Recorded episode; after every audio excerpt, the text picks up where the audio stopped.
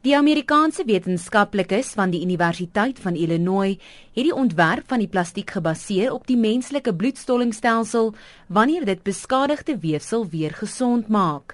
Professor Bert Klumperman verduidelik die jongste navorsing. There are two ways of making a self-healing material. One is that you introduce um, reversible reversible bonds in materials, which means that if a material gets damaged, then these bonds are sort of mobile in, inside the material and they will automatically repair.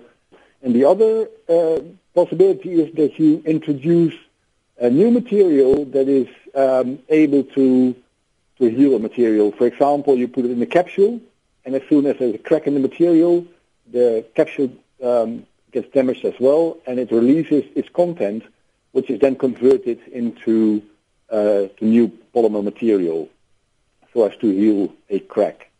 Na verwagting sal die navorsing uitgebrei word om die moontlike toepassing op verskillende materiale te ondersoek, insluitend glas en klere materiaal.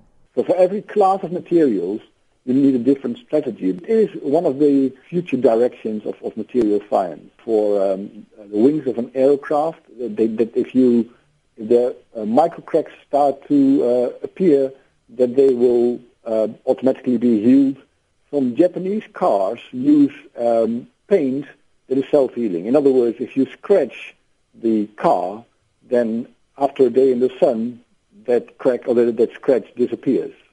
Sê het gewys dat die dele wat herstel is, sowat 62% van sy oorspronklike sterkte gehad het. There are other systems that that uh, go up to 100% um, recovery of the material properties or even um, increase the strength of the material, strangely enough, because they use a different material to heal compared to the original material. And uh, by, by doing that, they introduce something that reinforces the, the polymer material, and, and eventually it ends up that, uh, that the properties increase. Dit was professor Bert Klumperman van die Universiteit Stellenbosch se departement Polimeerwetenskappe.